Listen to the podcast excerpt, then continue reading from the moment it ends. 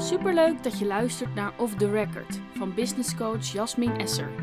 Dit is de podcast voor freelance journalisten en schrijvers over de pieken en dalen van het freelance leven. Want dat je eigen baas bent, betekent niet dat je alles alleen hoeft te doorstaan.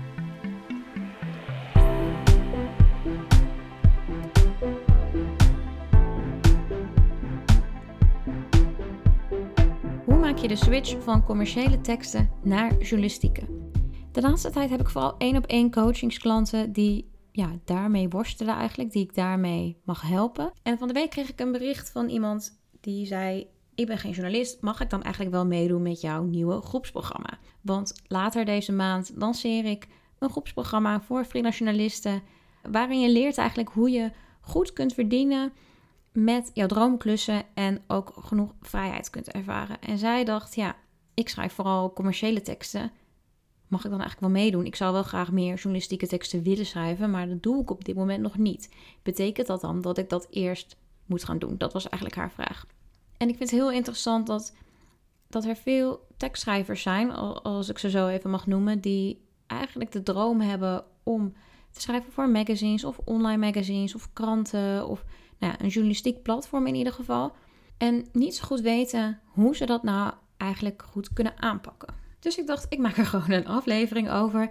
Dan kan ik al die mensen, misschien ben jij als je luistert wel iemand die hiermee worstelt, die eigenlijk vooral commerciële teksten schrijft, maar denkt, hm, ik zou eigenlijk wel journalistieke teksten willen schrijven, maar ik weet niet zo goed hoe of ik vind dat te spannend. Hoe pak ik dat nou aan? Nou, dan is deze aflevering speciaal voor jou. Ik ken trouwens ook veel mensen die andersom willen, die heel veel journalistieke teksten schrijven, maar graag meer commerciële klussen willen doen, omdat ze denken dat ze dan meer geld kunnen verdienen daar gaat deze aflevering niet over. Maar uh, toch wel één klein dingetje, mocht je dat zijn als je hier naar luistert, dan wil ik tegen je zeggen: nee, dat is niet nodig. Als jij alleen maar commerciële klussen wil doen, omdat je dan denkt dat je meer geld gaat verdienen, dan is dat echt ja, een dom idee. Eigenlijk kan ik het niet, niet beter verpakken dan dat. Je hebt dat niet nodig om genoeg geld te verdienen. Heb je geen commerciële klussen nodig. En omgekeerd denken veel tekstschrijvers dus van ja, wil wel graag journalistieke dingen gaan doen, maar verdien ik dan wel genoeg? Dat is een van de overtuigingen die ze hebben en die hen tegenhoudt.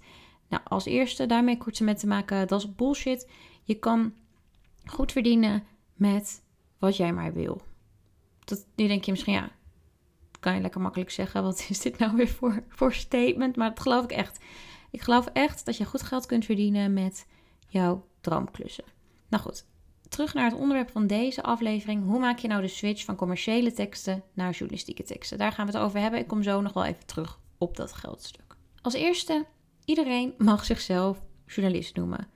Die persoon die mij een berichtje stuurde zei van ja, ik ben geen journalist. Nou, dat is onzin, want iedereen mag zichzelf journalist noemen. Het is geen beschermde titel of zo. Als jij jezelf journalist voelt of je denkt ik wil graag journalistiek werk verrichten. Want dat is het waarschijnlijk waarom je denkt: ik ben geen journalist, want ik doe geen journalistiek werk. Als je dat wil, dan is misschien wel de eerste stap eigenlijk om jezelf een journalist te gaan noemen. En ik snap het wel hoor, want zelf had ik ook heel lang een beetje moeite met die term. Ik denk dat ik het heel lang associeerde met, ja, als je journalist bent, dan ben je echt zo'n nieuwsjager en dan werk je bij een krant of weet ik veel, bij het NOS-journaal of uh, RTL. Uh, uh, journaal, het is eigenlijk echt heel nieuws. Ik dacht dus, je bent pas een journalist als je dingen boven tafel haalt en bij persconferenties bent en dan echt zo haantje de voorste je hand omhoog uh, houdt en hele brutale vragen stelt.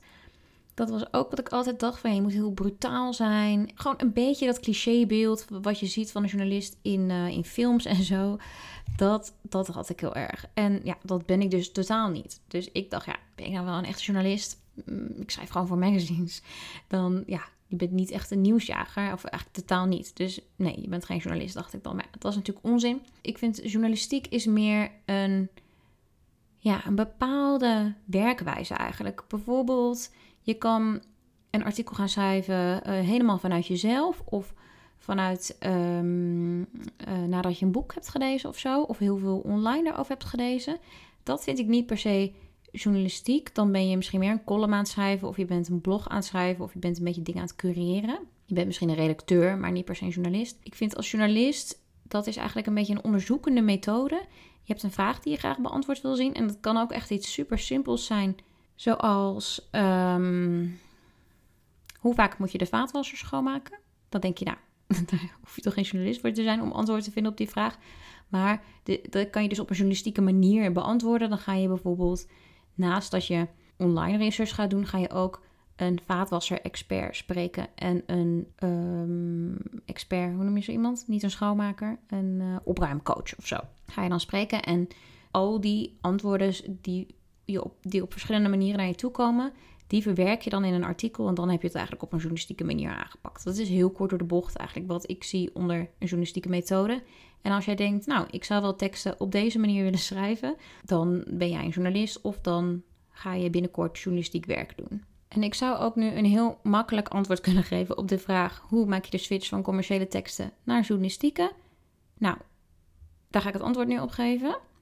1 is zoek journalistieke klussen. 2. Bereken hoeveel je nou eigenlijk wil of uh, moet verdienen met die journalistieke klussen, zodat je die commerciële klussen kunt opzeggen of om jouw uh, ja, omzetdoel te behalen of gewoon uh, genoeg te verdienen om een leuk leven te leiden. Bereken dat gewoon even uit, hoeveel je daar hoeveel je moet verdienen. En dan stop je met een commerciële klus en weet je precies hoeveel je moet verdienen met een uh, journalistieke klus. En uh, ja, die heb je dan gevonden en ga je dat waarschijnlijk doen. Je kan uh, nog allerlei trucjes verzinnen. Dat had ik bijvoorbeeld laatst met een coachie gedaan. Zij wilde graag 6000 euro per maand verdienen en qua omzetten. En ze wilde dan ongeveer dat 50-50 met journalistieke dingen doen en met commerciële dingen doen. Maar ze vond het heel moeilijk om dan nee te zeggen tegen commerciële klussen. Ook al was ze wel ondertussen op zoek naar journalistieke klussen. En toen zei ik tegen haar, nou, spreek dan met jezelf af dat als jij 3000 euro hebt verdiend met commerciële klussen en er komt een nieuwe aanvraag, dat je daar gewoon nee tegen zegt, want je hebt al die helft verdiend. Dus de andere helft ga je op een andere manier verdienen. En je mag ook nu, vanaf nu, gewoon niet meer dan dat, dan de helft verdienen met commerciële klussen. Nou, dat is bijvoorbeeld een trucje om het voor jezelf makkelijker te maken. Maar ja, eigenlijk is het dus echt super simpel als jij die switch wil maken. Ik kan het ook niet ingewikkelder maken dan dit. Je zoekt de klussen die je wel wil. Je berekent hoeveel je daarmee wil verdienen. En je stopt met de klussen die je niet meer wil. Dit is eigenlijk nog simpeler gezegd wat het is. Maar ja, hier is het eigenlijk nooit het echte probleem. De eerste vraag die ik dan altijd stel is: wat houd je tegen om nu die switch te maken? Je wilt heel graag, je wilt misschien al maanden of zelfs jaren of weet ik veel hoe lang. Waarom heb je het dan nog niet gedaan? Dat is een vraag die ik ook altijd stel in een van de eerste sessies, of misschien al zelfs al tijdens de kennismaking eigenlijk, als ik mensen coach die, uh, ja, die hiermee worstelen, die een andere kant op willen gaan. Zeg ik, ja, waar, wat houd je dan tegen? Wat, waarom heb je het nog niet gedaan? En, en dat bedoel ik helemaal absoluut niet veroordelend of zo, echt nul oordeel. Ik ben gewoon echt oprecht heel benieuwd wat jou tegenhoudt, want het kan namelijk echt van alles zijn. Er kan een hele praktische reden achter zitten. Misschien weet je gewoon niet hoe je moet beginnen. En dan zeg ik altijd, er zijn eigenlijk vier manieren om aan opdrachten te komen als journalist. De eerste is via je netwerk. En ik vind zelf verreweg de meeste opdrachten via mijn netwerk. Misschien zit je dan nu meteen in zakken als dat je denkt van ja, maar shit, ik ken helemaal niemand. Nou, dat valt echt wel mee waarschijnlijk. Zet eens op papier bijvoorbeeld wie je allemaal kent. Daar ben je vast even mee bezig, maar doe gewoon eventjes. En zet dan ook op papier wie je, wie je graag zou willen kennen. Bijvoorbeeld een redactiechef bij een blad waar je super graag voor wil schrijven. En misschien ken je diegene niet, maar misschien zie je nu op je andere lijstje van mensen die je wel kent, zie je iemand die die persoon die je graag wil kennen wel kent. En dan kun je dus, heb je dus een connectie die jou kan introduceren of die je kan vragen van hey, weet jij misschien het e-mailadres van die en die chef? Dus dat is even heel praktisch. Zet gewoon op een rijtje wie je allemaal kent. En laat ook lekker aan heel veel mensen weten dat je journalistieke opdrachten wil, dat je uh, die switch wil maken. Uh, want je netwerk is, uh, ja, wat ik net ook al zei eigenlijk, dat is gewoon echt, ik denk, de makkelijkste manier om klussen te vinden. Er zijn natuurlijk ook allerlei manieren om je netwerk te vergroten en om beter te worden in netwerken. Nou, daar ga ik nu even niet op in. Ten tweede kan je journalistieke opdrachten vinden. Bijvoorbeeld um, ja, als je een bureaudienst wil doen, dus als je graag wil, uh, ingehuurd wil worden per dag bijvoorbeeld, en echt op zoek bent naar een vaste opdrachtgever, dan zijn er vaak wel oproepjes die redacties doen, omdat ze op zoek zijn naar een vaste freelance redacteur. Zelf werk ik bijvoorbeeld elke maandag voor uh, libelle.nl als eindredacteur. Nou, dat is zo'n uh, vaste klus die ik heb. Waar ik werk, dat is eigenlijk een bureaudienst, omdat ik elke maandag voor ze werk en ze betalen mij per dag. En ik weet al heel ver van tevoren dat ik elke maandag eigenlijk dat doe. Wil je daar meer over weten, dan zou ik even aanraden om de aflevering met uh, Nina Verberne te luisteren. Een paar afleveringen terug. Maar stel je zoekt zo'n soort klus, dan, is, dan ja, zijn daar vaak dus oproep, oproepjes voor. En die kan je heel, heel goed op LinkedIn vinden. Moet je wel even de juiste mensen volgen. En ehm, ja, soms zijn er ook echt vacatures voor. Dan kan je bijvoorbeeld op Indeed kijken. En soms plaatsen uh, journalistieke platformen ook wel zelf op hun eigen website bijvoorbeeld een, een vacature voor een freelance klus. Dus daar uh, kan je dan ook op kijken. Dus dat is eigenlijk de tweede uh, manier om opdrachten te vinden via, via oproepjes of vacatures. De derde is door te pitchen. Dat is eigenlijk heel gangbaar als je bijvoorbeeld voor een tijdschrift wil schrijven. Dan ga je je idee eigenlijk verkopen aan een blad. Je idee voor een artikel. Dus je pitcht dan je idee. Dat stuur je dan naar een, naar een redactiechef waarschijnlijk. Of de de managing editor of de adjunct hoofdredacteur. Een beetje afhankelijk van hoe zo'n ja, redactie in elkaar zit. Of een redactiemanager of redactiecoördinator wordt soms ook nog wel eens genoemd. Het kan heel verwarrend zijn, al die titels. Maar ja, bestudeer gewoon even colofon en dan kom je er wel achter wat, wie je waarschijnlijk moet hebben.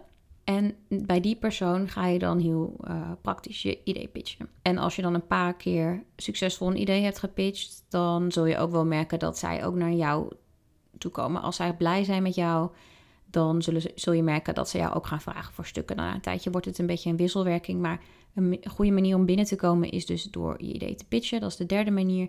En de vierde manier is door gevonden te worden. Dat duurt wat langer, maar ja, stel jij bent heel actief op Instagram of LinkedIn of Twitter of zo, of X moet ik dat tegenwoordig noemen.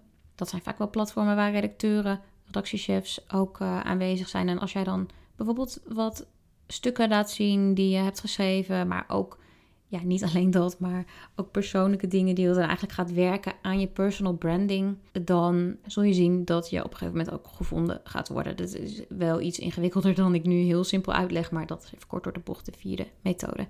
En als je nu denkt van ja, ik wil daar wat meer over weten, dan raad ik eigenlijk altijd aan om mijn handleiding te lezen en meer schrijfklussen. Is helemaal niet bedoeld als verkooppraatje dit of zo, maar gewoon oprecht. Want misschien denk je van ja, ik wil gewoon echt weten hoe ik nou begin, hoe ik dat nou echt aanpak ja, dat is gewoon te veel om in een podcast uh, te vertellen. En ik heb daar dus echt een super uitgebreide handleiding voor geschreven. Dus dan raad ik gewoon aan om daar eventjes naar te kijken. Ik zal even een linkje in de show notes zetten. In de handleiding gaat het wel ook over pitchen. Maar als je daar nog veel, veel, veel meer over wil weten en veel meer voorbeelden wil zien en echt je pitch skills wil verbeteren, dan heb ik ook nog een videotraining daarover gemaakt. Die heet Schrijven voor Magazines.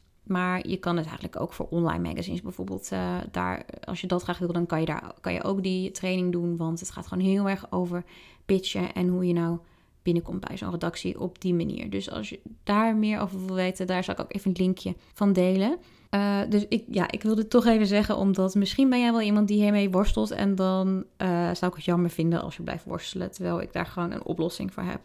En als je twijfelt of zo van wat zou dan voor mij handig kunnen zijn, stuur me gewoon even een berichtje. Want dat, dat um, ja, ik denk gewoon altijd met je mee. En misschien is het gewoon niet heel simpel, dan heb je niet eens die training nodig. Dan zou ik dat ook gewoon eerlijk tegen je zeggen natuurlijk. Ja, dus als je worstelt met de praktische kant, als je denkt van ik zou wel meer journalistieke artikelen willen schrijven, maar hoe dan?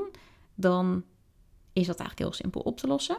Maar in de praktijk zie ik dus eigenlijk bij de mensen die ik coach bijvoorbeeld, ook bij mensen die ik niet coach, maar waar ik bijvoorbeeld contact mee heb eh, in de DM, is dat het helemaal, ja, vaak eigenlijk helemaal niet de praktische dingen zijn die mensen tegenhouden. Het zijn meer belemmerende gedachten die je tegenhouden om daadwerkelijk actie te ondernemen. Je weet vaak wel hoe je het moet doen, maar toch doe je het niet, omdat je denkt van ja, maar ik heb helemaal geen journalistiek gestudeerd. Ik heb niet een goede opleiding gedaan. Dan zal ik je nu zeggen, dat maakt helemaal niet uit. Heb je helemaal niet nodig. Maar goed. Of misschien ben je bang voor afwijzing. Dat snap ik ook heel erg goed. Als je een pitch bijvoorbeeld schrijft naar een magazine, dan ja, kan het toch ook heel persoonlijk zijn. Misschien gaat het ook over een onderwerp wat jou heel nauw aan het hart ligt. En denk je dan van ja, straks wijzen ze dit af. En dan, nou ja, afwijzing is natuurlijk nooit leuk. Laten we, laten we daar niet ingewikkelder over doen. Dat vindt niemand leuk. Dus heel logisch als je daar bang voor bent. Misschien ben je bang om minder te gaan verdienen als je meer journalistieke teksten gaat schrijven en minder commerciële teksten. En denk je, ja, hmm, ik vind eigenlijk dat ik nu wel een lekker salaris verdien. Of misschien denk je, ja, ik zou eigenlijk wel, juist nog wel wat meer verdienen. Maar ja, als ik dan journalistieke artikelen ga schrijven, dan, ga ik dat natuurlijk nooit, dan gaat dat natuurlijk nooit lukken. En dat kan je dus heel erg tegenhouden om acties te, onder, te ondernemen. Trouwens, al deze belemmerende gedachten zijn een soort van onzin natuurlijk. Hè? En misschien ben je gewoon bang om ergens mee te stoppen. Of misschien vind je dat gewoon eng. Heb je nu een vaste commerciële klus en denk je... Ja, ik vind eigenlijk helemaal geen reet meer aan. Ik wil journalistieke teksten schrijven, maar ja... Uh, het is gewoon spannend om hiermee te stoppen. Uh, dat snap ik ook heel goed. Ik ben een paar keer gestopt met, uh, met klussen. Niet met commerciële klussen trouwens, maar met journalistieke klussen. Maar stoppen, ergens mee stoppen is gewoon spannend, want je, ja, dingen gaan veranderen. En wij mensen vinden dat gewoon, ja, dat uh, hebben we gewoon altijd een beetje gemengde gevoelens bij, bij veranderingen. En tegen iedereen die zich afvraagt van, ja, hoe maak je nou die switch van commerciële teksten naar journalistieke teksten? Iedereen kan je vertellen wat de stappen zijn. Die drie stappen die ik net heb gezegd. Je zoekt de klussen die je wel wil. Je berekent hoeveel je daarmee wil verdienen. En je stopt met de klussen die je niet meer wil. En waarschijnlijk had je zelf ook wel bedacht van ja, oké, ik moet gewoon andere klussen zoeken. En stoppen met klussen die ik niet meer wil. Hoe moeilijk is het eigenlijk? ik snap je ook heel goed, want je bent waarschijnlijk heel erg druk ook met je commerciële klussen. Waardoor het eigenlijk heel makkelijk is om het op deze manier te blijven doen. Want je hebt het niet nodig. Je hebt genoeg werk. Je weet zeker dat je genoeg geld verdient ja, het werk komt gewoon eigenlijk naar je toe. Dus je hoeft alleen maar ja te zeggen of uh, de contact te onderhouden met een opdrachtgever die je al hebt. En ja, het is gewoon heel, het is gewoon heel easy allemaal. toch denk je misschien, misschien knaagt het toch wel ergens tegelijkertijd. Omdat het misschien te druk is. Of omdat je niet doet wat je het allerliefste zou willen doen. En als je er klaar mee bent uh, met het voor je uitschuiven van het, van het uh, najagen van je dromen eigenlijk, dan uh, wil ik je heel graag helpen. En ik kan dat dus op verschillende manieren doen. Wat ik al zei, als je met hele praktische dingen worstelt, dan heb ik daar allerlei ja, tools voor. Dus een handleiding bijvoorbeeld of een videotraining. En als je denkt van ja, er zit gewoon eigenlijk wel meer achter, want ik weet best wel hoe ik het moet gaan aanpakken. Maar het lukt me gewoon nog niet om het echt te doen. Of ik heb het geprobeerd, maar het lukt me maar niet. Dan kan ik je bijvoorbeeld helpen met één op één coaching. Ik denk trouwens dat coaching wel heel erg handig kan zijn bij dit specifieke dilemma. Um, omdat dus het, echte hoe is zelden het probleem. Het kan natuurlijk wel heel fijn zijn om een coach te hebben die de stappen met je doorloopt. Maar het is daarnaast ook echt fijn, omdat met coaching ga je echt nog een laag dieper en kom je achter wat nou het echte probleem is. Dat je bijvoorbeeld denkt van ja, ik heb niet de juiste opleiding, ik heb niet de juiste ervaringen, ik heb niet het juiste portfolio, het gaat mij gewoon nooit lukken. Redacties zitten niet te wachten op mij, er zijn al zoveel freelance journalisten. Nou, al die gedachten die je hebt die je tegen kunnen houden. Die gedachten, die zijn waarschijnlijk het echte probleem. En ja, tijdens coaching sessies kom je, ga je gewoon lekker graven. en het klinkt misschien heel vervelend, maar het is echt wel heel leuk ook. En kom je erachter van, oh, daarom, daarom lukt het mij gewoon niet. En tegelijkertijd heb je ook een accountability partner. Dus iemand die, ja, die jouw stok achter de deur is. Want je wil niet zes sessies lang zeggen: ja, ja, ik heb weer die pitch niet verstuurd, want ik durfde niet. Misschien dat je dat één keer zegt. Of misschien dat je één keer zegt van ja, oké, ik heb hem net vlak voor dit gesprek gestuurd. Maar die keren daarna voelt dat gewoon echt een beetje te lullig. Dus het helpt gewoon als er iemand is die uh, ja, jou aan je afspraken gaat houden. En die verwacht dat je het ook echt doet. Want ja, het is gewoon echt heel stom om een keer op te zeggen: ja, ik heb weer niks gedaan. En daarnaast is het ook heel erg fijn als je het wel probeert en het lukt niet. Dat er iemand is die met jou kan kijken van oké, waar gaat het dan mis? Wat kan je misschien, waar kan je misschien nog beter in worden? Misschien uh, schort er iets aan je pitch, of misschien aan de mail die je meestuurt, of misschien aan je ideeën die je bedenkt, of misschien pitch je gewoon bij de verkeerde titels, of misschien moet je het eens een keer op deze en deze manier proberen. Het kan natuurlijk van alles zijn. En in je eentje kan het best wel vervelend zijn om daar gewoon heel lang mee door te blijven lopen. En dat er gewoon niet echt iets verandert en je weet maar niet waar het aan ligt. En dan ben je ook veel sneller geneigd om het op te geven. En dat is zonde. En dit zijn trouwens ook allemaal dingen die ik wil gaan verwerken in uh, mijn nieuwe groepstraject. Wat ik uh, dus eind deze maand uh, ga lanceren, waar we eind deze maand mee gaan starten. Je leert hoe je genoeg geld kunt verdienen met de opdrachten waar je juist heel blij van wordt. En misschien zijn dat de journalistieke opdrachten. Want ook daar, daar kan je dus echt goed mee verdienen, ook al denk je misschien van niet. En daarnaast gaat het je gewoon helpen aan meer vrijheid. Aan doen wat je leuk vindt, werken op jouw voorwaarden, meer vrije tijd ook. Gewoon niet meer jezelf over de kop werken. Uh, ja, dat eigenlijk. Het wordt gewoon allemaal leuker en makkelijker. En het groepstraject bestaat dus uit een online training waarin je dit allemaal leert. En daarnaast uit om de week groepscoaching, waardoor je dus ook echt een stok achter de deur hebt om echt actie te gaan ondernemen. En dat is ook waarom ik denk dat het zo goed werkt. En nog even, het groepstraject is niet alleen voor mensen die nu tekstschrijver zijn en graag journalist willen worden, maar ook bijvoorbeeld voor journalisten die ehm, ja, het idee hebben dat ze toch niet helemaal uh, gelukkig zijn nog, die nog niet genoeg vrijheid hebben, die te veel werken of niet de, de, de, de opdrachten hebben die ze eigenlijk graag willen doen en die gewoon meer geld willen verdienen. Want je leert dus om ja, genoeg geld te verdienen met het werk waar jij blij van wordt. En daardoor ook genoeg vrijheid hebben. Ik heb het idee dat ik heel veel informatie heb gegeven over allemaal verschillende dingen die ik doe. Ik weet niet of dat nou zo handig is eigenlijk. Waarschijnlijk zal iedere business coach tegen mij zeggen: je moet op één ding focussen. Ja, ehm, dat is ook wel zo. Maar ja, ik vind het ook wel lastig omdat ik natuurlijk niet precies weet wie jij bent en wat exact je probleem is. Dus dan denk ik, ja, vind ik het ook lastig om één specifieke oplossing aan te dragen, want ik weet niet precies waar het aan ligt. Maar wat het dus ook is, waar het ook aan ligt, ik wil graag met je meedenken voor een oplossing. Dat is denk ik wat ik eigenlijk probeer te zeggen. En misschien zijn helemaal door de boom het bos niet meer van hoe ik je kan helpen. Snap ik. Hoef je heus niet deze aflevering nog een keer te gaan luisteren. Uh, stuur me gewoon een berichtje en dan uh, weet ik wel waarschijnlijk hoe ik jou kan helpen. En we kunnen ook altijd eventjes uh, bellen en dan um, kunnen we samen even sparren en kan je je probleem uitleggen waar je tegenaan loopt. Kan ik kijken of en hoe ik je daar het beste mee kan helpen. En ik zal ook altijd eerlijk zeggen als ik je niet kan helpen. Want uh, ja, dan hebben we er gewoon allebei niks aan. En dan is het gewoon een verspilling van onze tijd en uh, energie en geldzaken. Dus uh, dat is zonde. Ik zal altijd eerlijk zijn. Ik hoop dat je deze aflevering waardevol vond. Stuur me dus gerust een berichtje als je een vraag hebt. Ik zou het ook super fijn vinden als je mij um, een, ja, als je een review wil achterlaten. Bijvoorbeeld door vijf sterren of minder sterren, wat jij wil, te geven op Spotify of welke podcast app je ook maar luistert. Of uh, door echt een review achter te laten. En het zou ook echt super fijn zijn als je deze podcast wilt delen met een bekende of op social media. Want uh, ja, dan kan ik nog meer mensen helpen eigenlijk om het freelancen leuker en makkelijker te maken. Dankjewel voor het luisteren en tot de volgende keer.